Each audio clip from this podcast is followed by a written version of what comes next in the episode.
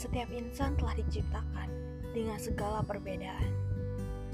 Dari segi fisik dan pribadi, ada ciri khas dan pembeda yang menjadi perbedaan. Ya, entah itu cantik atau jelek, kurus atau gendut, tinggi atau pendek, atau hitam atau putih. Semua sudah sesuai dengan porsinya masing-masing. Ya, insecure.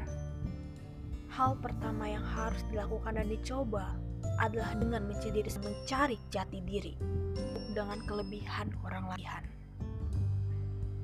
Setiap dari kita tentu sering merasakan insecure. Iri dan cemburu tentu itu sering terjadi. Itu adalah hal manusiawi Siapa sih yang gak pernah ngerasain seperti itu?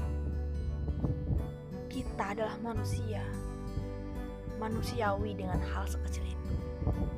Sifat yang belum bisa ditebak, penampilan yang ingin terlihat sesempurna mungkin. Hei sobat, jangan lupa dunia bukan tujuan akhirnya. Perbaiki sikap dan akhlak selagi masih diberikan kesempatan kelak bukan dari segi fisik atau penampilan, tapi amal kebaikan apa yang sudah kamu lakukan. Apakah pernah kamu mengingat Tuhanmu?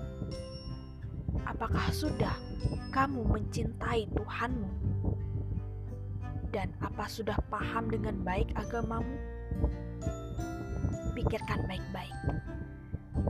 Renungkan lagi dan introspeksi diri jangan hanya memikirkan duniawi, sehingga menghalalkan segala cara dan tindakan agar bisa terpenuhi.